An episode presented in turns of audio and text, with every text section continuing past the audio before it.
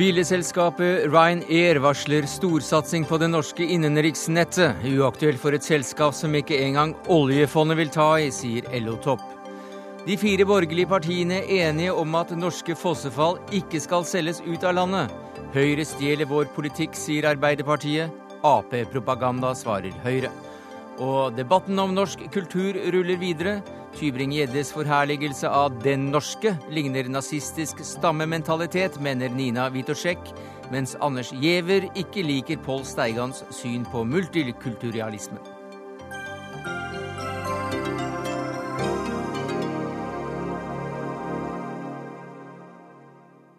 Ja, Det er noen av sakene i Dagsnytt 18 denne tirsdagen, der vi også får en vurdering av demonstrasjonene i Kina for ytringsfrihet i landet. Men vi åpner med Ryanair-sjefen Michael O'Leary, som altså gjestet Norge i dag. Flyselskapet er berømt for billige flybilletter og beryktet for dårlige arbeidsvilkår. Nå vil inn på det norske innenriksmarkedet. Particularly we'd like to do to service some airports in uh, the north and in the on the west coast so that we could uh, begin to do some domestic routes. It's something we'd like to enter in the next couple of years, uh, partly because the airfares are so high. Uh, airfares are high, but there's large volumes. If you look at those big domestic routes, Bergen, Trondheim, um, Stavanger, back to uh, Oslo, there are certainly markets that are interesting for us. Sa en smilende Ryanair-sjef der han satt ved siden av Olav Thon på pressekonferansen, begge med norske topplur. Espen Andersen, førsteamanuensis ved Handelshøyskolen BI med doktorgrad i slikt. Hva slags planer og forhåpninger er det vi kan regne med at Ryanair har for en satsing på innenriksmarkedet i Norge? Ehm, det vet vi jo ikke før de eh, forteller hva de egentlig har tenkt å gjøre. Det var interessant det han sa her med, med Oslo, Bergen og Trondheim. Mm. Um, det som kommer til å bli litt slitsomt for dem, er å finne flyplasser med billige landingsavgifter. Ehm, per i dag flyr de på Rygge, ehm, som jo er en flyplass som trenger trafikk. Det spørs om Sola og Flesland og, og, og, Værnes er i den situasjonen, og at man da kan tilby lavere landingsavgifter, som det, er, som det Ryanair gjerne går etter. Men motivasjonen er grei. Vi flyr og vi flyr og vi flyr, og vi er steinrike, sa også du da, som, eh, som, nordmann og om nordmenn tidligere i dag. Det er motiv godt nok det for et flyselskap å være interessert? Absolutt. Det er nesten like mye trafikk på Gardermoen som det er på Arlanda. Og mm. svenskene har dobbelt så mange mennesker som oss. Så eh, vi er et land som flyr mye, og vi har en knallsterk valuta. Og kan du komme inn på utenlandske kostnadspremisser, men eh, få inntektene dine på, i norske priser, så uh, ligger det godt an. Frode Steen, du er professor i økonomi ved Norges handelshøyskole.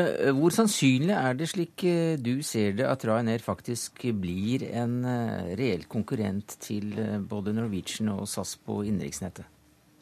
Jeg tror egentlig ikke så veldig sterkt på det. For det at, akkurat som det sagt her før, Poenget er at da trenger de å lande på flyplasser med tilstrekkelig lave avgifter. Og så vidt jeg kan skjønne, så uh, betyr det sekundærflyplasser selv i Norge, og det er veldig få av de. Og da uh, Alternativet å fly på de store flyplassene og betale vanlige avgifter, sånn som SAS og Norwegian gjør i dag, det vil innebære at de bryter med sin vanlige kostnadsmodell, for de har hatt noe i, uh, i mange år. og vist veldig sånn, De er veldig tydelige på den kostnadsmodellen. at det de, de skal holde nede avgiftsnivået. Men er det da eh, i så fall eh, Norwegian eller eh, SAS som bør skjelve mest i halepartiet når Ryanair eventuelt kommer? Nå er det jo sånn at I den grad Ryanair ligner på noe, så ligner det vel mer på Norwegian enn SAS. og SAS har, Det som har reddet SAS så langt, har vært at de har tatt grep om forretningsmarkedet. Men det taper jo de mer og mer i. og De er jo mer og mer avhengige av å selge fritidsbilletter har sagt. Og da, jeg tror nok begge selskaper merker det, men jeg tror som sagt ikke dette er Jeg, jeg, jeg avventer og ser om denne trusselen blir noe av. Men allikevel så møter altså da Ryan-sjefen opp og smiler i eh, norsk eh, topplue. Han har vært her flere ganger, og det er ikke første gang han ytrer et sterkt ønske om å komme inn på det norske markedet. Så hva kan da ligge i det, Andersen?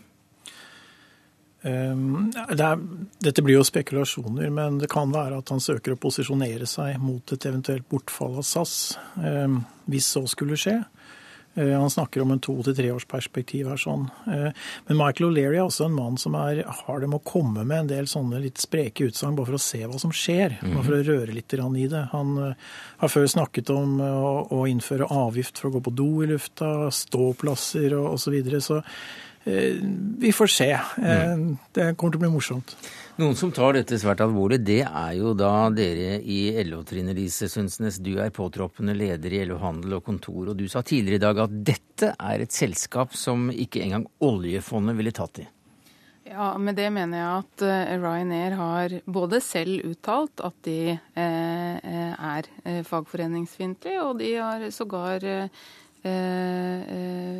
vært åpne i forhold til Eh, til ILO, og hvor det er tydelig at de bryter ILOs kjernekonvensjoner. Og det er klart at Når Avinor eventuelt skal gå inn i forhandlinger med et selskap som så åpenbart bryter noe av det som norske myndigheter er forplikta til å overholde, så eh, mener jeg at da er det Eh, har Avinor all grunn til å være skeptiske. Og det florerer av historier i forhold til Ryanairs ansettelsespolitikk. Ja, Avinor sier at de forhandler nå med, eller er i samtale med Ryanair, slik de er i samtale med mange flyselskaper, og så ingen grunn til å komme i Dagsnytt 18 for å utdype det noe særlig. Men hvilke bestemmelser har vi i Norge som kan være til hinder for at Ryanair kommer? Vi har jo, altså Det er jo ingen eh, bestemmelser som sådan som, som, er til hinder, men noe av det som vi forutsetter fra LOs side, det er jo at de konkurrerer på like vilkår. Og det er klart at eh, Når det kommer til avgiftspolitikken, så forutsetter jo vi at eh, alle flyselskapene eh, underlegges samme avgifts, det samme avgiftsregimet. I tillegg til det så ser jo vi veldig tydelig at når billettene er eh, rimelige i, i, den grad, altså så mye som vi ser i Ryanair, så er det noen som betaler. Og vi har eh, dokumentasjon og mye eh, eh mange vitnesagn på at eh, det er de ansatte som betaler prisen for de billige billettene. Og bryter det som vi er vant til fra norsk luftfart så langt? De bryter det som er eh, det vi ser fra norsk luftfart så langt. I tillegg til det så, eh, så er de, eh, de har, Michael O'Reilly selv sier at han har ingenting til overs for fagforeningene. og Sier sågar at han ikke ønsker å møte de.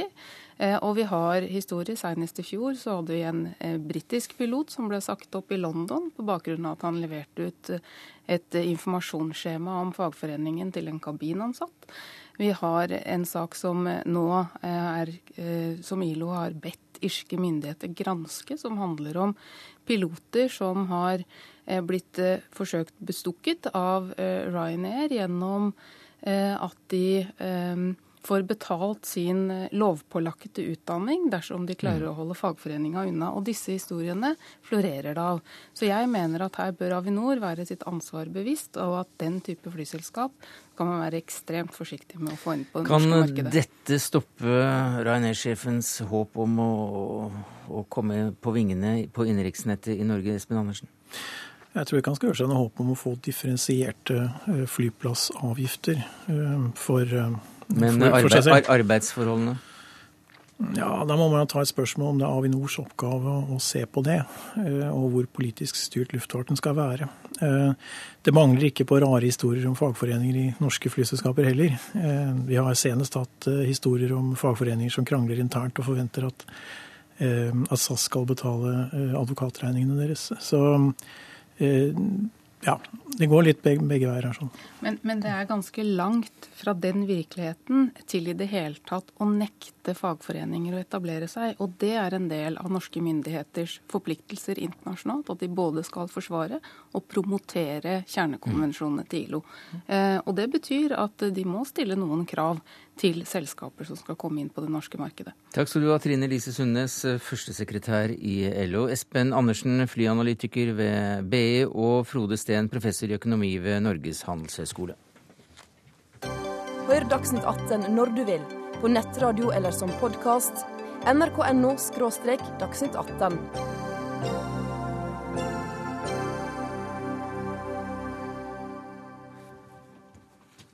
I det sørlige Kina så har eh, noe så sjelden som eh, demonstrasjoner for ytring og pressefrihet eh, skjedd, og det da altså i våre dager. I flere dager har hundrevis av mennesker samlet seg utenfor avisen Southern Weekly i protest mot hva da, Kristoffer Rønneberg, du har erfaring fra landet som Aftenposten-medarbeider i Beijing? De protesterte mot at myndighetene ved propagandadepartementet gikk inn og erstattet en lederartikkel de hadde skrevet, med en lederartikkel som myndighetene mente var, var bedre. Den opprinnelige lederartikkelen den eh, oppfordret myndighetene til eh, demokratiske reformer og, og større ytringsfrihet, mens den eh, som kom istedenfor, den hyllet kommunistpartiet. Og Sensur er jo velkjent i Kina, og det, det, det er ikke noe nytt heller ikke for, for denne avisen i, i Guangzhou. Men det som kanskje var spesielt betent denne gangen, det var at det var selve nyttårslederen som, eh, som har en spesiell posisjon i avisen. De går ofte litt lenger der enn hva de ellers tør. Og det at myndighetene gikk inn og direkte fjernet den de hadde skrevet, og erstattet den med en propagandaartikkel, det, det var visst nok eh, for å få begeret til å flyte over. Ja, altså Southern Weekly er jo en spesiell avis med hensyn til at de, de tør å gå en del lenger enn en veldig mange andre. Hva slags avis er det? Det er en avis med lange og stolte tradisjoner. Veldig mange av de som i dag er redaktører i noen av Kinas største aviser, de har eh, sin, sin bakgrunn fra denne avisen. Og Avisen ligger også i, i Guangzhou, som er kanskje hovedsetet for det mest liberale delen av, av, Kina. Det er eh, denne provinsen, Guangdong-provinsen, hvor de fleste demonstrasjonene mot myndighetene skjer hvert år. Og det er også der hvor ytringsfriheten kanskje har kommet lengst. Eh, så det er ikke tilfeldig at det er her eh, journalistene går ut i streik og, folk får eh, demonstrert på gatene i støtte for dem. Hedda Flate, du er forsker ved Fafo, har Kina som spesialfelt. Hvorfor skjer dette nå? Jeg tror at det fins flere årsaker til det. Som Kristoffer nevnte, så, så har jo Nanfang presset grensene veldig lenge. Mens det spesielle her er at det har på en måte tippet over til å gå, bli åpen konflikt med, med og, og, at de har gått ut i streik.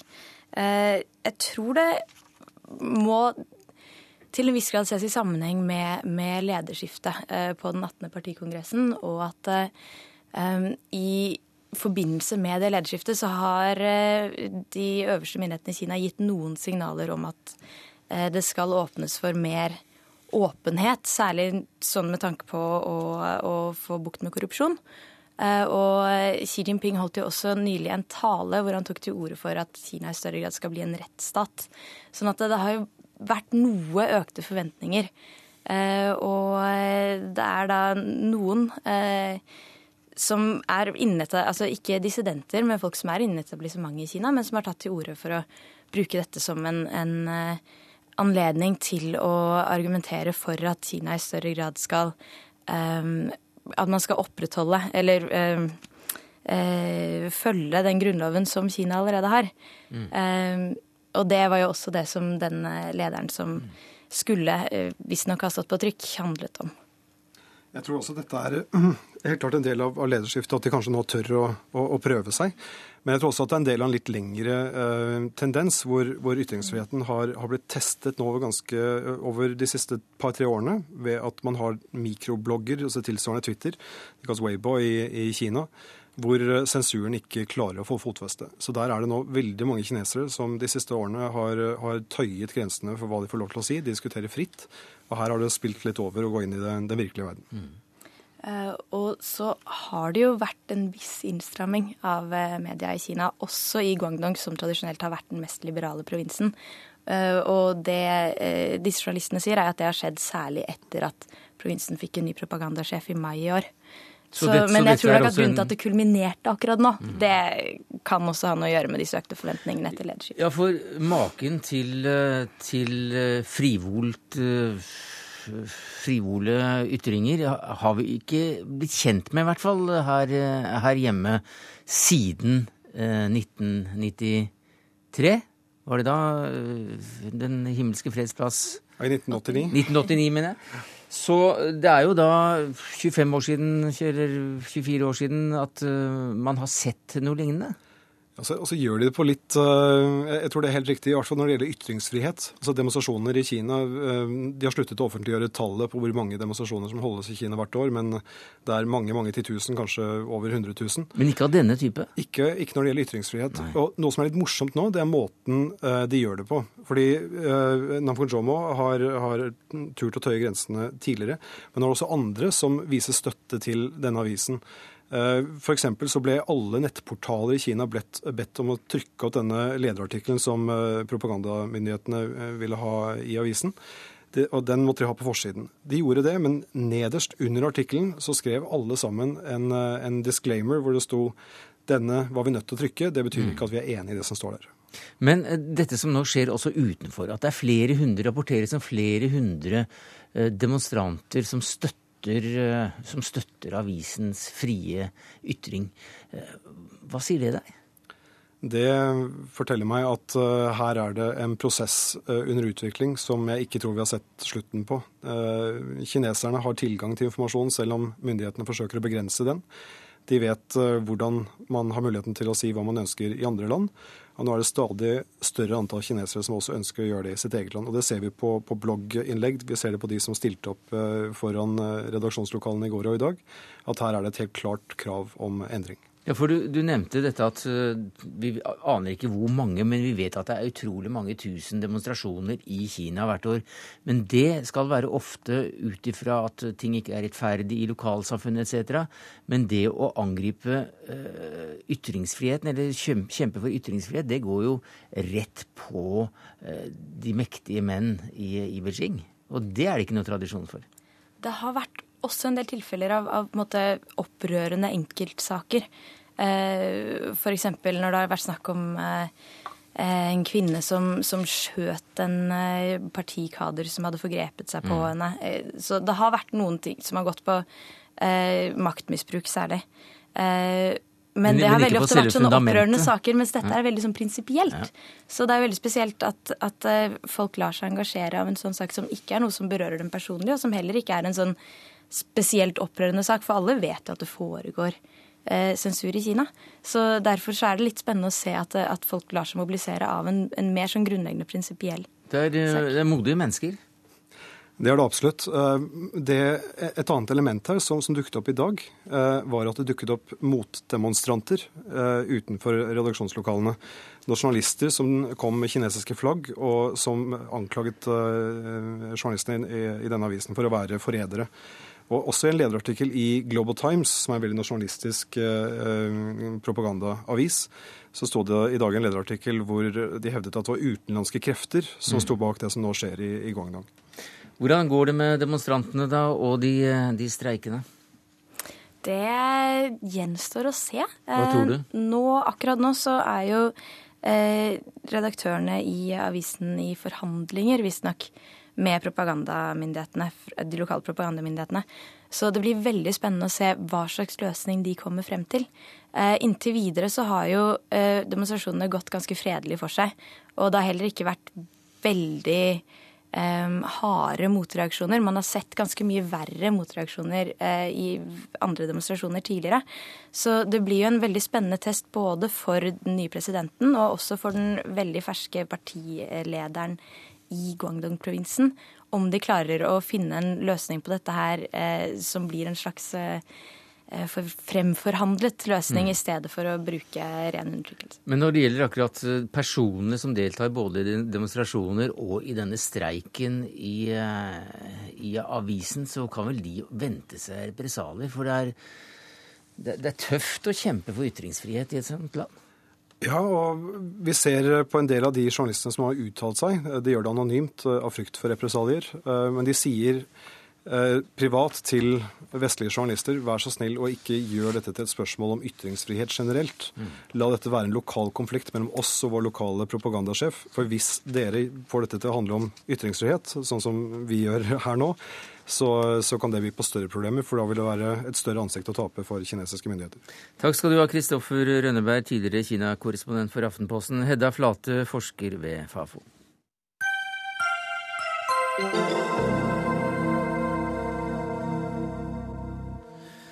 Vi tar med en melding om at to personer er pågrepet etter bildrapet i Klepp i forrige uke, da tolv år gamle Olav Hovda ble kjørt ned og drept mens han gikk på rulleski. Politiet vil foreløpig ikke si mer enn at det er en kvinne og en mann i 40-årene som er pågrepet, men det blir mer om denne saken i NRKs sendinger utover kvelden. Så rydder vi plass for et eh, par av de mange debattene som er satt i gang i kjølvannet av Christian Berg, eller Christian Tybring-Gjeddes eh, behov for å få regjeringen til å si hva norsk kultur er. Nina Witoszek, du er professor og du er forskningsleder ved Senter for utvikling og miljø ved Universitetet i Oslo. Og du har interessert deg for sider ved det norske siden du kom hit eh, fra Polen på 80-tallet. Og i Dagbladet skriver du i dag at eh, Eh, det er sider ved, ved, dette med kultur i Norge, landet du mener har gjort janteloven til et nasjonalt eh, varemerke. For her er nesten alt kultur. Hva mener du med det?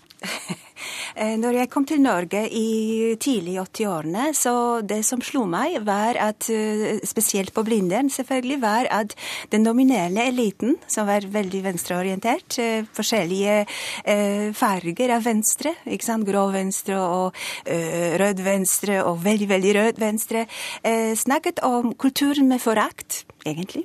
De snakket om seg selv som intellektuelle med forakt. Og det var et stort sjokk for meg, det må jeg innrømme. Jeg kom fra Polen, hvor kulturen var hellig, hvor kulturen var noe som du skal forsvare to your last drop of bread, ikke sant? Men her var det noen som var såpass nonsjalant at uh, man kan mm. avskreve det hele, ikke sant? Kultur betyr ingenting. Men samtidig viser du i din, um, din artikkel i, uh, i Dagbladet til forakt for kultur, at det har lange tradisjoner, også utenlands. Hvem var det som sa at når jeg hører ordet kultur, trekker jeg min revolver. Ja, det var eh, iallfall Man eh, litt, eh, tar litt feil når man tenker at det var Goebbels som sa det. Det var egentlig en karakter, en protagonist, i et stykke av en nazistisk forfatter som mm -hmm. het Hans Jost. Og det var det som han har sagt. Og han representerte på mange måter nazi-forhold til kultur i den perioden. For Foruten kulturministeren og Jon Hustad er det Tybring-Gjedde du utfordrer og sier at hans sitat, bastante forherligelse av det norske kopierer både den nazistiske stammementaliteten og den fundamentalistiske glorifiseringen av islam for de rettetroende. Hva mener du med det? Eh, jeg, ser, jeg overdriver litt for, for, den retoriske effekten, selvfølgelig, her i debatten, fordi det skal være en debatt. Men, men, det mener, du det, mener, du ikke dette? Jeg mener delvis det, ja. ja okay. Eh, jeg skal forsvare det, dette standpunktet. Jeg mm. mener at eh, det er mye i, mm, i Fremskrittspartiet forhold, forhold til kultur som dreier seg for forsvar om det ekte norske og om tradisjoner som vi har arvet fra våre foreldre og fra våre forfedre osv. Og, så videre, og det er de tradisjonene tradisjonene som vi har arvet og reprodusert, det er de som bestemmer, eh, skal bestemme ikke sant, hvem er med og hvem er utenfor. Og jeg som en innvandrer selv, og kulturell bastard på mange måter, er litt sensibel her, eller sensitiv til akkurat den typen um, polarisering. Og dermed mener jeg veldig sterkt at jeg uh, oppfatter noen av posisjoner og meninger som er uttrykt av, uh, uh, av Fremskrittspartiet, som ligner på den nazistiske stammementaliteten heimat er det viktigste, ikke sant? Og etterpå så begynner vi å tenke. Og det samme gjelder eh, den, den la oss si, eh, totalitære mentaliteten, eller kommunistiske mentaliteten, som er litt omvendt, fordi der er alle dyr like. Men egentlig så er det veldig mye skjult rasisme og nasjonalisme der også. Christian Tybring-Gjedde, det var du som stortingsmann for Frp som dro i gang debatten om hva som er norsk kultur. Hva sier du til Witoszeks påstand om at du forherliger det norske og dermed kopierer deler av den nazistiske stammementaliteten? Ja, jeg er delvis uh, sjokkert over påstanden, og jeg trodde faktisk at vi hadde lagt den type uh, retorikk og diskusjoner bak oss. Uh, Fremskrittspartiet ble møtt med den type argumenter på 90-tallet og tidlig 90-tallet. Siden så har ikke det vært oppe. Eh, så dette er egentlig første gangen jeg hører dette igjen. Eh, jeg eh, tviler på altså Jeg kan lese en setning fra denne kronikken. Her står det hvis alt er så fint i kongeriket Norge, hvorfor har vi kulturelle konflikter og breiviker? Og hvorfor har Frp så stor oppslutning om sitt program? For det første. Jeg tviler på at min motdebattant Nina Witschek har lest Fremskrittspartiets program. Der står det om frihet på hver eneste side. Mindre stat, mindre offentlig sektor, mer frihet. Jeg har skrevet selv eh, i hvert fall 10-15 kronikker i alle ledende aviser i dette land om at det er frihetsverdiene som er det aller viktigste. Og Da snakker vi om likeverd og likestilling og ytringsfrihet, bevegelsesfrihet, religiøs frihet. Dette er jo det som er sagt hele tiden. Eh, og så har jeg nevnt at når innvandring til Norge skjer så raskt som den gjør nå, med snart 50 000 mennesker per år, så er det en del av den kulturelle arven som vi har fått, som er under press. Det har alle vært enige om. Men når jeg da sier dette, og du sier det, så sier du at da det, har det nazistiske eh, trekk, for de var også opptatt av det tyske og det nasjonale. Dette syns jeg er å trekke altfor alt for, uh, vide konklusjoner? Eh, jeg tror at det som kanskje vi eh, snakker om, er assosiasjoner ikke sant, som man har på tross av deres program. Jeg har stor respekt for ordet frihet, som dere propagerer i, i, Fremskrittspartiets frihetsprogram. Men, men, med hele den respekten for ordet frihet, så ser jeg fremdeles la oss si, ganske dikotomiserende, ganske polariserende her er oss og her er dere. I debatten med vår uh, kulturminister på TV. Du sa selv at egentlig det er det norske, ikke sant? det er det som vi har arvet fra våre forfedre. Det er den tradisjonen som er hellig for oss, og det er det som vi skal forsvare. Eh, har du ikke sagt det? Jo, visst er det. Og det, hele, det er derfor det heter kulturarv. Mm -hmm. Kulturarv. Mm -hmm. Det er noe som arves fra generasjon til generasjon, og, og, og, som jeg vil gi til mine barn, og mine barn vil gi til sine barn. Da trekker man det beste fra hver generasjon, mm -hmm. og så ender man opp med en kultur som er fellesskap og tilhørighet. Men har du eh, ikke trukket, har du ikke tenkt å trekke det beste av de, la oss si, den nye innvandrerkulturen, som har også bidratt til den norske kulturen? Jeg mener, Det er fint å være litt mer inkluderende. Ja visst. Altså, ja, men det har jeg også sagt. at Jeg har jo, jeg har jo skrytt av uh, Hadia Tajik, uh, og jeg har skrytt av, av innvandrere som kommer til, til, Norge, jeg. Men jeg sier at det skjer for hurtig. Og hva er det som skjer? Nordmenn stemmer med bena. De flytter ut av deler av Norge, av Oslo, som innvandrere flytter til. Og derfor blir det segregering istedenfor integrering. Men la, la oss, Jeg forstår godt at vi lett kommer i en innvandrerdebatt her, men la oss holde fast ved akkurat kulturbegrepet. For uh, Witorczek, du skriver at Christian Tybring-Gjedde forsvarer det ekte norske, som, eh, eh, arvet, som, er arvet fra generasjon til generasjon. Men han glemmer at for 70 år siden viste mange ekte nordmenn nazistiske eller rasistiske sympatier. Hva vil du si med dette? Det var også det ekte norske. Det må vi innrømme selv, og? Det, det, det skriver jeg, det jeg har studert det hele. Men det ekte norske var også eh, si, eh, norske læreres protest mot nazifisering av norske skoler. Og det var en heroisk akt, ikke sant, som jeg assosierer med den beste av, eller ved den norske eh, tradisjonen her. Og det er det som jeg tror vi må, vi må være litt mer eh, raffinerte i å lage disse forskjellene, fordi, fordi alt som ligger under ordet norsk blir til slutt definerende begrep. Og jeg mener det er litt viktig at vi, uh, ja, vi, vi, vi nuanserer disse ting. Ja. Sier at vi må dra av det beste fra hver generasjon. Og, og det er klart at uh, de nordmennene som uh, var på gal side under krigen og ble nazister, det er jo altså tydeligvis ikke der vi skal trekke vår lærdom fra. På samme måte jeg regner med at du som polakk opprinnelig ikke trekker veldig mye lærdom av kommunistenes tid i, Polen eller Ralisjelskij eller andre, uh, men at det er andre polakker som er dine helter. Og det er jo nettopp det som er hele poenget. Vi må trekke det beste fra hver generasjon, ikke det verste. Selvfølgelig er det mange ting i Norge som var ille. Du nevner også at likestillingen var dårlig i Norge for 100 år år siden og 200 år siden. Ja, selvfølgelig var den det, men poenget var at vår kultur har klart å bringe likestillingen høyt opp og var raske med å få likestilling. Det er veldig positivt. Eh, og da må vi være stolte av det. Og da kan vi ikke importere eh, kulturer til Norge som mener det motsatte, og si at dette er veldig fint. For det er ikke sånn at det går seg til. Integreringen går seg ikke til. Over hele verden hvor islam er den store religionen, så blir det verre. Det var mye bedre i Pakistan for 30-40 år siden. Det var langt mye bedre i mange andre muslimske land for 30-40 år siden. Og det er islamismen som vinner. Derfor må vi være tydelige på hva vi står for her. Og der, Frihetsverdier og, øh, og, og, og norske kulturer. Men la oss holde fast ved, ved akkurat uh, islamismen her. For uh, Witusek, du skriver da også at, uh, at uh, Tybring-Gjedde forherliger den fundamentalistiske glorifiseringen av islam for de rettroende? Nei, det, det, det, har jeg aldri sagt. Jeg Nei. bare sier at det, la oss si hans, og hans uh, tenkemåte, iallfall utad fra det som jeg har lest og, og hørt og, og, sett, så ser jeg at det er den stemmementaliteten igjen vi snakker om. Mm -hmm. Vi er mhm. tilbake til samme tema. At vi har ikke sant, litt av en uh, assosiasjon. Den kan være farlig, den assosiasjonen. Jeg skjønner at den skaper debatten, men der, den er der uansett. Og jeg mener at jeg som en utenforstående falsk norsk kvinne, eller nordmann, uh, jeg, er mer musikalsk her enn en, Kristian Gjedde er. Jeg vet ikke hvor, hvor musikalsk du er. Eh, eh, jeg har selv spilt piano en gang. Eh, men jeg kan bare betrygge Nina Yttersek at verken jeg eller Fremskrittspartiet er farlige. Og, vi kommer til å, og jeg er en frihetsfundamentalist. Det er derfor jeg står på barrikadene. Jeg ser at mange nå er en islamapologeter, og de går rundt og unnskylder det ene og det andre. Jeg er en frihetsfundamentalist, jeg vil ikke akseptere noen slags slingring i valsen når det gjelder friheter. Så vet du det neste gang du skriver en kronikk. Så du må ikke ta deg større friheter heretter, Nina Witorsek, som forskningsleder ved Senter for utvikling og miljø. Takk skal du ha, Christian Tybring-Gjedde, medlem av finanskomiteen på Stortinget for Frp.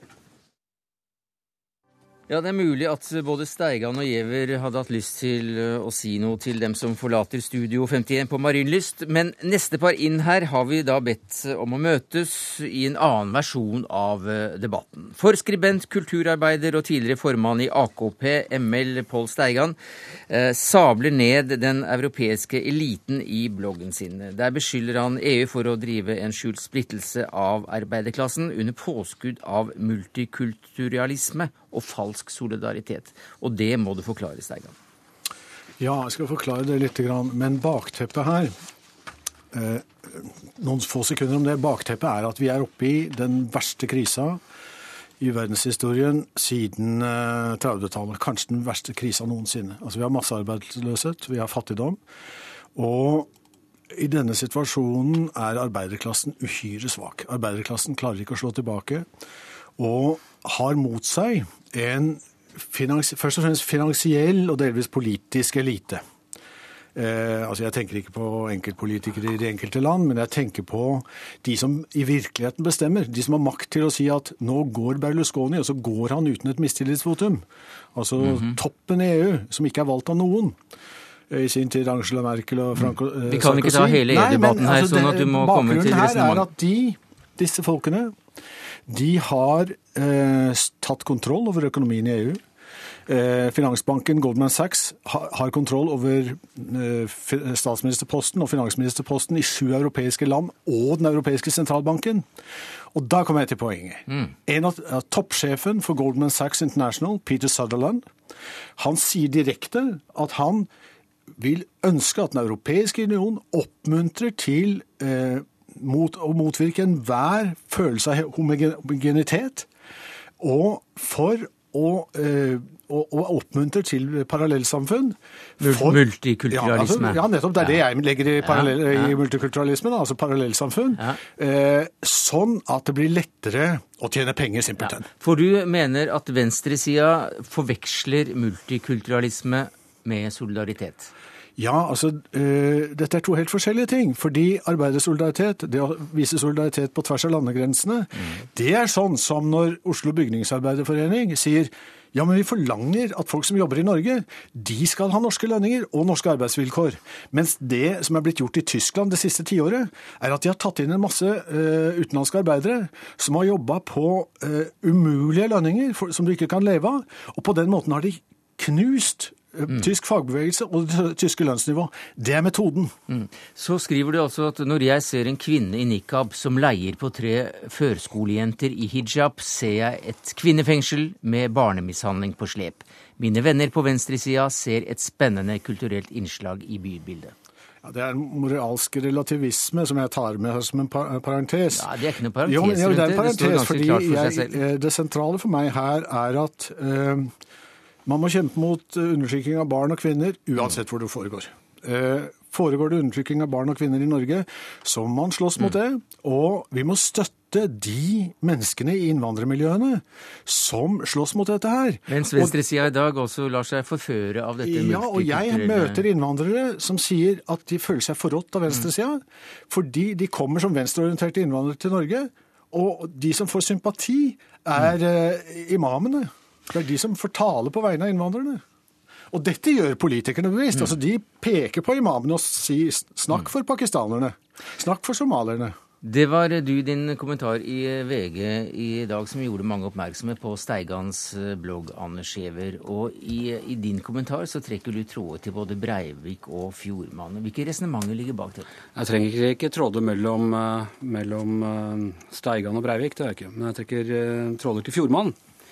Fordi det er en, altså en god del av dette til Pål Steigan som han har redegjort for, er jo konvensjonell sånn venstreside kapitalistisk kritikk om, mm om liksom problemene med seinkapitalismen. Men eh, så er det måten da Steigan eh, presenterer og forklarer multikulturalismen på. Eh, altså de samfunnene hvor, hvor, flere forskjellige kulturer lever om hverandre. Vi var et homogent samfunn hvor alle på en måte var like, og så, så har vi blitt et uh, samfunn med flere forskjellige kulturer. Og Det forklarer han at multikulturalismen er et redskap for eliten i EU det hørte vi jo innledningsvis. Som blir brukt til å fortrenge solidariteten og splitte arbeiderklassen. Og skape et nytt underproletariat som ledes ikke av klassekjempere, men av imamer og reaksjonære klansledere som er finansiert av staten. Uh, og at eliten ønsker å da underminere at, at, man Dette er da inne på i Fjordmannland, som jeg kjenner ganske godt til, og som jeg har jobba mye med i, de siste årene. At dette er bevisst fra denne Eurabia-teorien, hvor, hvordan EU har importert folk fra muslimske land for å skaffe Da mener jeg de høyreorienterte, for å knekke den etniske befolkningen eller den, den kristne befolkningen, mens, mens ytterste venstre, som er representert ved Steigan, mener at det er for å knekke arbeiderklassen og og proletariatet og i det hele tatt. Og ved å gjøre det, så, så bruker han da av, mye av den samme konspirative eh, argumentasjonen som ligger til grunn for de ytterste høyre. Nei, jeg bruker ikke noe konspirativt i det hele tatt. Altså, EUs eh, programmer og planer er vel kjent. Eh, dette kan man lese i dokumenter. Eh, hva som gjøres av troikaen fra EUs side, er vel kjent. Og hva som har skjedd med lønningene i Tyskland, Storbritannia osv. er velkjent. Det er ikke noen konspirasjonsteori. Det er ikke det. det, det, altså, det, det altså, les Batje ord om Eurabia. Dette er ikke noen konspirasjonsteori. Dette står, det ble, skjedde på et møte mellom Den arabiske liga og, og EU-toppledelsen i 1967, eller når det var. Og, alt dette. Og det er jo alle konspirasjonsteorier. Man tar biter og fragmenter av virkeligheten, og så putter man dem inn i en sånn Unnskyld meg, vi snakker ikke om biter. Så putter man dette inn i en sånn uh, egen, det man kaller en analyse, men som da altså er en konspirasjonsteori. sier man at eh, denne ansiktløse makten bak makten, de som egentlig avsetter eh, Berlusconi og undertrykker uh, proletariatet og sånne ting, de, uh, de bruker mm. dette bevisst ut ifra en helt bevisst plan, istedenfor å tro på at samfunn utvikler seg mer organisk. Et, et, et problem med norsk presse det er at nesten ingen av dere interesserer dere for internasjonal økonomi og har ikke folk på det. Eh, heller ikke VG. Og det, det du sier er liksom konspirasjonsteori. Kjære deg, jeg var i Italia da Berlusconi ble avsatt, og det var ikke parlamentet som gjorde det. Det var, EU-toppene som sa nå går du av, for Italia klarer ikke å betale eh, rentene sine. Dette er vel kjent. Du, du, behøver ikke noe konspirasjonsteori. Jeg beskriver fakta. Og når jeg sier at eh, toppene i Goldman Sachs styrer, så gjør de faktisk det. Og hvorfor, hvordan styrer de? De tar penger fra statsbudsjettene i land etter land, hiver folk ut i massearbeidsløshet, tar fra dem pensjonene, tar fra dem jobbene. Og fyller eh, pengekistene til de samme bankene. Dette er fakta, jeg kan gi deg. Jeg ber folk lese min blogg, Steigan blogg, det er lett å finne. Det er fin reklame. Ja, øh, Og så mener du altså at man da, denne samme eliten, bruker multikulturalismen for å underminere arbeiderklassen? De sier det sjøl. ja, de sier faktisk det. Okay, hvem, hvem, i Norge er det som sier dette? Nei, nei, altså Norge har jo knapt noen som tilhører den eliten. Okay, altså, de bare nikkedukker for denne eliten. Ja, det er enda mer altså. Altså, vi, har, vi, vi, har, bare i oppgave å tildele denne pri, uh, eliten priser sånn som Jagland. Men det, dette er, og dette er klassisk med konspirasjonsteori. Du kan egentlig ikke argumentere imot. Bevis at Illuminati ikke eksisterer. Bevis at det ikke er en uh, sammensvergelse av jøder og bolsjeviker som uh, sto bak uh, Nå tuller du. Altså, dette er et så lavt intellektuelt nivå. Ja, jeg, jeg, misliker ikke deg i det hele tatt, men at du behøver å hitle, at du behøver å dra inn Hitler og Breivik for å, for å kritisere meg, det syns jeg er latterlig. Nei, jeg har ikke, Du har skrevet et innlegg som, som kommer i, i, VG etter hvert, og som du har skrevet, hvor du påstår at jeg hitler deg. Jeg har ikke nevnt Hitler i det hele tatt. Nei, du nevner Breivik, da. Jeg har ikke nevnt Hitler i det hele tatt, og jeg har heller ikke sammen, men jeg har sammenlignet deg med Fjordmannen, og det synes jeg helt reelt. Hitler var en despot som utryddet masse eh, mennesker, og jeg ville aldri finne på å sammenligne deg med han. Eh, Fjordmann er en eh, villfaren intellektuell med en ekstrem overbevisning og om en konspirasjon som står bak og bruker multikulturalismen for å underminere ikke klassen, men eh, den etniske befolkningen og, mm. eh, og eh, religionen. Hør, hør så, eh, Et øyeblikk må få slippe Steigan til. Ja. ja. Hør nå her. Altså, det eneste eh, som er felles her, er at altså Fjordmann har teorier som jeg syns er helt sjuke, men han kommenterer en situasjon i dag. Og hvis vi går til et sted hvor fascistene har nådd fram, da, sånn som i Ungarn, hvor Jobbik-partiet Jobbik-partiet de har vunnet fram på to ting. De sier, nei, tre ting. De sier eliten i Ungarn er korrupt. Det er sant. De, har stjålet av statskassa. De sier eh, EU-sjefene de tar fra oss jobber og de tar fra oss jord. Det er helt sant. Og så sier de sigøynere har skylda. Det er løgn og fanteri. To... Hva er det Fjordmann sier som er sant? Nei, men altså I de to punktene hadde de fascistene rett. Og det jeg er redd for, er at du kan få en splittelse i arbeiderklassen, sånn som du har fått da i, tydeligvis i Ungarn, mm. hvor deler av den hvite arbeiderklassen følger fascistene, og deler av den svarte mm. arbeiderklassen følger profetens umma. Fjordmann er ikke invitert, bare så det er klart. Nei, Jeg håper jo at uh, arbeiderklassen verken følger uh, profetens Umma eller AKP ML eller, eller Fjordmann, men at de fortsetter å sverge til demokratiet, slik arbeiderklassen i Norge har gjort siden, siden, du fikk en industriell arbeiderklasse. De som er for demokrati i Europa, er jo finanseliten. De toppene som var her for å ta imot prisen på vegne av EU, var jo ikke valgt av noen. Og de som nå avsetter, altså, som, som, kjører statsbudsjettet i Hellas til, til, til bånns, de er ikke valgt av noen. Men tilbake til begrepet multikulturalisme, som du også mener er, eh, tatt, har tatt over for Eller som skygger for et bedre begrep, nemlig eh, klasse. Eh, så mener du at venstresida har latt seg forføre av, av dette begrepet, og det er farlig? Eh, ja, altså venstresida bør ikke ha eh, de samme begrepene som den liberale overklassen. Venstresida bør ha et eh, solidaritetsbegrep som er basert i arbeidersolidaritet. Og altså som forener seg med de fattige. For det du ser, er at fordi de nye, nyfattige i Norge, denne nye underklassen, ikke er organisert, ikke kan språket, ikke kjenner rettighetene sine, så kan de utbyttes så jævlig av norsk kapital, av norsk overklasse. Eh, ja, altså økonomisk utbytting og sånn, det, det, kan eh, alle utsettes for. Problemet her er, eh, for meg det, det, som er Problemet er ikke den kapitalistkritikken som er en helt annen diskusjon for meg. Det er hele ideen om en styrt elite som eh, bruker multikulturalismen. Eh, og også disse her påstandene du holder på med at de, at de er delvis statsfinansierte klansledere og imamer i Norge, så er det rett ut av junkmail-delen av postkassa mi fra, fra ytterste høyre fløy. Junkmail eller junkmail, iallfall så kommer Pål Steiga med et tilsvar som jeg forstår trykkes i, i, VG, om ikke i morgen så en av dagene. Takk skal du ha så langt, Anders Giæver, kommentator i VG, og Pål Steigan, skribent, kulturarbeider og tidligere formann i AKP.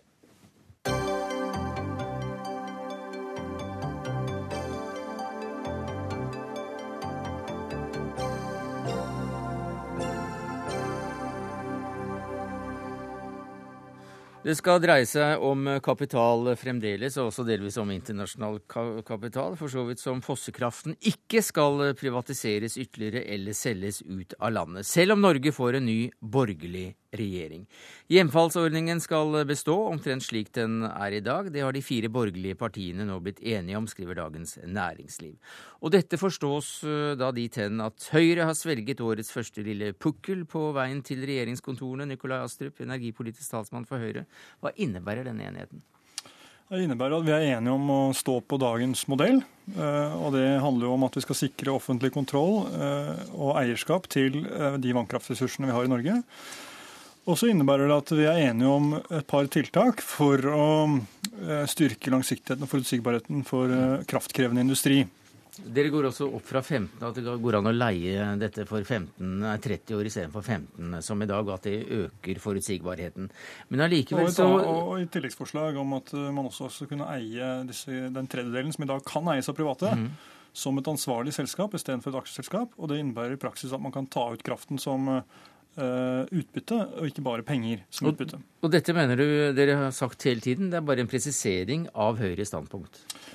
Ja, du kan si uh, Det er jo en justering også. Uh, og en presisering. Så det er en endring? Ja, det er en endring i den forstand at vi mente at det var nødvendig å ivareta industriens behov gjennom å la dem fortsatt få lov til å eie kraft direkte, som de i dag eier. Vi har aldri vært for å selge storstilt ut av landet eh, kraft som i dag er offentlig eid. Mm. Det er en virkelighetsbeskrivelse som Arbeiderpartiet har forsøkt å selge inn, eh, og, og det har aldri vært tilfellet. Mm. Men det vi har ønsket, er at industrien skal kunne ha kontroll på og tilgang til kraft. Så har vi sett at vi kan gjøre det også eh, ved å legge dagens ordning til grunn. Gjennom de to andre forslagene som vi her fremmer, sammen med de fire borgerlige partiene. Og nå er altså det bred enighet om dette, og det kan ikke på noen måte sås tvil om hva vi mener og hva som kommer til å skje dersom det blir regjeringsskifte. Vi skal se om eh, det ikke går an å så litt tvil her, for vi har med deg, Eirin Sund, nestleder i energi- og miljøkomiteen for Arbeiderpartiet. Og du tror ikke på at eh, det er dette Høyre vil. De sier jo hele tiden at de vil føre Norge i en annen retning, sa du til ABC-nyhetene om opposisjonspartiene krafterklæringen.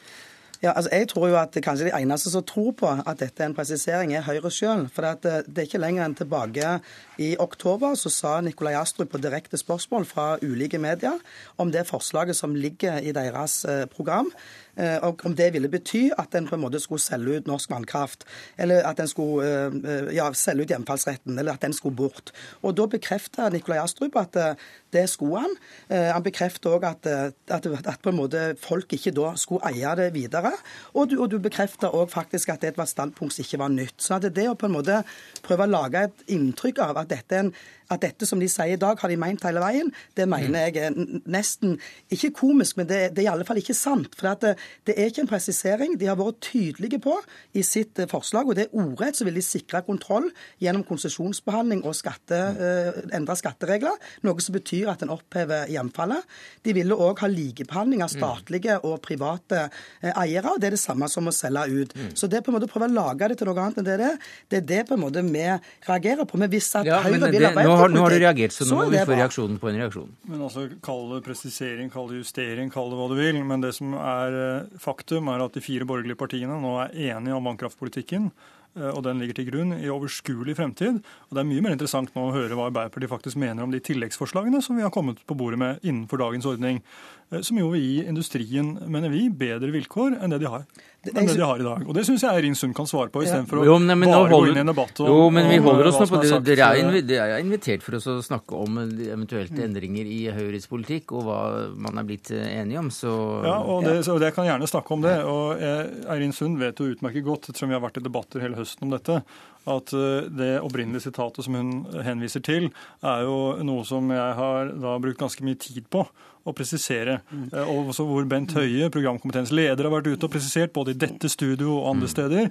slik at jeg tror Eirin Sund vet utmerket godt at, men, at vi har aldri men, hatt som formål at norsk vannkraft, som i dag er offentlig eiet, skal selges storstilt ut eh, til utenlandske eiere. og det tror jeg hun vet. Nikolai Astrup, du, har, du har til og med selv sagt altså Nå har ikke jeg de klippene med meg inn her, men du har til og med sagt at for deg er også dette et prinsipielt spørsmål. Du har meint at det er ikke rett at folket skal eie, altså staten og folket skal eie vannkraftressursene. Og jeg syns det er litt sånn rart at det, det, det som er det nye forslaget deres, det er gode, skikkelig skikkelig god Arbeiderpartipolitikk, og ingenting gleder meg mer enn det. Men det som er rart, er at dere henger det på en sånn bjelle som er sånn at dere har et tilleggsforslag som gjør at dere skal ha hele veien vært opptatt av industrien. I det opprinnelige forslaget så har dere ikke meint noen ting om industrien. I dette forslaget så sier dere at regjeringen må komme tilbake med hva vi skal gjøre for industrien. Mens dere har sittet og drevet med sånn programarbeid, så har vi altså fått på plass en CO2-kompensasjonsordning. Mm. Vi har fått på plass et elsertifikatmarked. Vi har fått på plass et, et kraftregime. som Vi har fått på plass ting sammen med industrien. Erin Sund, de tingene som dere har fått på plass, har dere fått på plass etter sterkt press fra opposisjonen. Og det er, det er hyggelig at dere har fått... det på plass, men det har tatt tid, ja. og dere burde kommet for lenge siden. Og så er det en sånn en debatt om hvem som har sagt hva når, er egentlig ikke så veldig interessant. Det som er interessant nå, er at de fire borgerlige partiene er enige. Eh, det er et klart, klart, og tydelig standpunkt. Det er et standpunkt som Arbeiderpartiets propagandamaskin ikke kan mm. men, på noen som helst måte så tvil om. Nikolai Astrup, dere var tydelige. Da syns jeg heller Arbeiderpartiet ja, men, skal svare på hva de mener om de forslagene ja, men, de har fremmet. Men det, men det har vi ikke tid til, så jeg må nesten spørre deg, Astrup. Eh, hva gjør dette for, eh, for følelsen av et samhold i den borgerlige blokka? Nei, Jeg mener at dette viser at vi finner gode kompromisser, eh, og at vi er enige om mye. Og eh, dersom det blir regjeringsskifte, uavhengig av hvilke partier som da forvalter et flertall på vegne av de andre, og vi håper det er flest, flest mulig, og gjerne alle, eh, så er det god, godt grunnlag og god basis for, for, styring også på dette området. Hvilket annet politisk felt er det dere nå snakker om for å lage et felles grunnlag før regjeringsvalget? Det er, ikke, det er ikke min uh, oppgave og ans mitt ansvar å gå inn i det eh, på direktesendt radio eller TV. Løfte litt på teppet Men uh, det er samarbeides godt i veldig mange fraksjoner på mange områder. Og jeg mener vi er enige om en ny retning for landet på, på vesentlige områder, som på skole, som på utdanning, som på samferdsel, mm. uh, som på å slippe alle gode krefter til. Man er enige om å slippe alle gode krefter til. Samfunnet frem på en bedre måte. Takk skal du ha, Nikolai Astrup, energipolitisk talsmann for Høyre. Eirin Sund, nestleder i energi- og miljøkomiteen for Arbeiderpartiet. Vi skal eh, fortsatt holde oss til eh, å omtale de borgerlige partiene og alle de muligens eh, politiske sakene som eh, de er interessert i å, å bli enige om før eh, de får en felles politikk. Men, men, la oss eh, ta kort skritt tilbake til hjemfallsretten. Kjetil B. Alstadheim, du er kommentator i Dagens Næringsliv. For du skrev 'Kne og fall om fossefall har nå ført til knefall for Høyre og Frp', skriver du i en kommentar i dag. Hva mener du er grunnen til at de borgerlige nå samler seg om å beholde store deler av dagens ordning? Jeg tror det handler uh, veldig mye om at uh, Høyre syns dette ble en ubehagelig sak i høst. Uh, da hadde, hadde man en, en, runde at, med anklager om at de ville selge ut arvesølvet. Og så kan man diskutere hvor, hvor, reelt akkurat det var, men uansett så ble det en diskusjon de opplevde at de tapte. Og da de, fikk de et behov for å rydde den unna, bli kvitt en dårlig sak før valgkampen. Og de oppsøkte de andre Eh, tre partiene for å få til en enighet der eh, Høyre nå sier at de støtter den politikken som de var imot da den ble vedtatt i 2008. Men du skriver også at bak snuoperasjonen i saken om hjemfallsretten ligger den pragmatismen som preger Høyre med Erna som partileder. Ja, for du ser, du ser det jo på noen andre områder også, hvordan Høyre har uh, ryddet unna en del saker som, som har gitt dem problemer tidligere. F.eks. Eh, når det gjelder arbeidsmiljøloven, der de har, eh, har justert seg eh, bl.a. på spørsmålet om hvor mye man skal tillate av midlertidige ansettelser. Og der de er blitt anklaget for å ville brutalisere arbeidslivet, som LO og Arbeiderpartiet sier, og der de har, har rygget ganske langt tilbake. Du ser det på at de nå verner fagforeningsfradraget i, i skatten. Du har sett det på hvordan de har justert seg på sykelønnsordningen. Og de har eh, dempet ambisjonene sine på skattelettelser. Professor i sammenlignende politikk ved Universitetet i Bergen, Frank Aarbrot. Eh, hvilke andre politiske temaer er det du mener kommer til å stå sentralt på den borgerlige siden for å, rydde eventuelt hindringer av veien og, skape et inntrykk av en, en stor eh, enighet? Det er jo ikke så godt å si, men det som i hvert fall er helt sikkert, er at jeg føler meg rimelig trygg på at dette ikke er den første debatten av denne typen som vi har hørt i de foregående innslagene som du vil ha i løpet av våren. For her er jo det snakk om å bygge et eh, alternativ. Og det er jo klokt av de borgerlige partiene, og kanskje klokt av Høyre og Fremskrittspartiet, å gi etter for de to små. For man må hele tiden se muligheten av et valgresultat der, eh, der de vil være avhengig av alle fire partier, eller tre av partiene, for å få et styringsflertall. Slik at vi vil nok se denne typen justeringer. Og det blir jo da sånn det blir i den rød-grønne regjeringen, at det største partiet må egentlig sluke de største kamelene på en del områder. Og så må, de, må kamelspisingen til de små komme etter valget i større grad. Men jeg tror nok at den presidensen som ble lagt i 2005, der det, den aller første Soria Moria-erklæringen faktisk fant sted før valget, der man sa hva man var enige om, men utfordringen nå ligger jo, for å komme tilbake til spørsmålet ditt, så ligger jo utfordringen nå i hva de egentlig skal være enige om som er forskjellig fra Arbeiderpartiets politikk. For alle de eksemplene som ble nevnt nå, Det er jo eksempler på saker der de egentlig sier ja, vi vil fortsette stort sett den politikken som den rød-grønne regjeringen fortsetter. Og så bruker de Kristelig Folkeparti og Venstre som unnskyldning for å fortsette denne politikken. Mm. Eh, i, det som er Utfordringen er jo å bli enige om noe som markerer stor forskjell til den rød-grønne regjeringen. Og Der eh, kan jeg peke på ett område som jeg tror det kan bli en litt spennende diskusjon på. Og det er eh, Høyre har vært veldig høyt ute på banen med dette med tvangssammenslåinger av kommuner til eh, 90 stykker. Det er mange veldig gode grunner for en liksom militant motsetning til Senterpartiet når det gjelder å få opp den kommunale effektiviteten. Alstaheim, er det et um... Og det kan være et område der Kristelig Folkeparti og Venstre er betydelig mer skeptisk, mm. men der det kan være en viktig sak for Høyre, bl.a. i forhold til dette å få gjennomført noen av de initiativene som den rød-grønne regjeringen har startet, sånn som Samhandlingsreformen.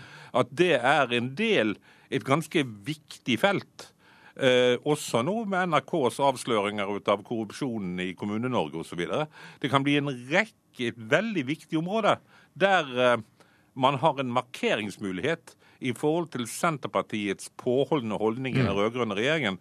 Eh, som det kan bli spennende å se. Så jeg vet ikke om det er mest sannsynlig at det kommer opp, men i hvert fall et av de områdene jeg bør være mest spent på å se hva som skjer. Altså, det er jo da et, et valg om å markere sine egne standpunkter veldig klart for å vinne flest mulig stemmer med valget, mm. eller å stå fram, om ikke som en helt samlet blokk, så i hvert fall som et troverdig alternativ. Eh, så hvor er det grensene går her mellom de ulike partiene når det gjelder synet på dette? Ja, nei, et, noe, noe, av det som er vanskelig her, er jo at uh, selv om det er fire partier her som har sagt at de vil gi landet en ny regjering, så er det jo ikke fire partier som har sagt at de vil sitte i regjering sammen. Mm. Uh, Venstre og Kristelig Folkeparti sier jo at uh, det er lite sannsynlig at de vil gå inn i regjering med, med Fremskrittspartiet. Så det, det, gir en litt annen situasjon enn det var for de rød-grønne i 2005, som var helt enige om at de tre skulle i regjering sammen. Mm. Og så avklarte de spørsmål som Nato og EØS og handlingsregelen. Eh, så det gir et litt annet utgangspunkt. Men Aarbrot, eh, eh, hva slags erfaring er det Norge har da med at det er klare, forholdsvis klare enigheter blokkene imellom, og alt, alt velgerne da går og stemmer på klare alternativer? Ja, vi må jo huske at de rød-grønne seier både i 2005 og 2009 var veldig marginal. Og jeg vil nå tro at den indre analysen blant de rød-grønne var at det var klokt av dem å gå ut før valget om å fortelle om noen av sakene de ville ta opp. De sakene de var enige om. For jeg tror folk var lei av denne Bondevik-stilen med at vi er alle forskjellige, og nå skal dere surprise, surprise, så skal vi forhandle. Etter valget skal dere se hva politikken er. Det vil alltid bli. Det vil være saker der partiene går opp på egen hånd. og Vi vil aldri vite helt ut hva en koalisjonsregjering vil gjøre før etter valget. Men det å lette på sløret på forhånd, det tror jeg er kommet for å bli. Hva, hva, slags erfaringer har land som vi liker å sammenligne oss med på dette veltet? Ja, du vet at alle land med parlamentarisme har jo ulike erfaringer med både mindretallsregjeringer, flertallsregjeringer, med ettpartiregjeringer og med flerpartiregjeringer. Og det er veldig ofte slik at når man har hatt lenge mindretallsregjeringer, så lengter man etter en flertallsregjering. Og når man har hatt lenge flertallsregjering, så lengter man etter en mindretallsregjering. Altså her er det jo slik at eh, parlamentet kommer i fokus med en relativt svak regjering på en helt annen måte. Journalistene henger rundt i vandrehallen med mye større interesse med en svak regjering enn med en sterk regjering. Mm. Uh, slik at, uh, at, dette når uh, Man ser jo bare når journaliststrømmen går til regjeringskvartalet for å sitte på statsministerens pressekonferanse i forhold til å henge rundt i vandrehallen, så ser du hva type regjering du har. Og selvfølgelig det Arbeiderpartiet kan håpe på i dette valget, det er jo å bli det største partiet fremdeles i landet, og få en borgerlig regjering som krever flest mulig partier bak seg. Alstaheim, vi nærmer slutten her, men eh, det ble også nevnt både kommunesammenslutning og et par andre elementer. Og Aarbrot sa at det er nok ikke siste gang i denne valgkampen eller dette året at vi kommer til å, å få denne type debatter. Hvilken debatter tror du kommer opp eh, neste gang? Hva er det de prøver å bli enige om neste gang? Eh, kommunesammenslåing tror jeg vel eh, ikke det blir. Der, jo, der er det jo egentlig Venstre som er mest offensive på å kreve mm. store kommuner og, og være litt hard i klypa. Det store uavklarte spørsmålet er jo om den økonomiske politikken og det at de ikke er enige om eh, oljepengebruk og handlingsregelen. Eh, det tror jeg heller ikke de kommer til å bli enige om, men det gir jo en usikkerhet om hva slags rammer det skal være for den økonomiske politikken hvis de fire partiene får flertall. Takk skal du ha, Kjetil B. Alstaheim, kommentator i Dagens Næringsliv. Takk til deg, Bergen Frank Aarbrot, professor i sammenlignende politikk ved universitetet der. Det var det vi rakk i Dagsnytt 18 denne tirsdagen. Ansvarlig for det hele var Siri Storstein Hytten. Tekniske ansvaret hadde Finn Lie. Jeg heter Sverre Tom Radøy.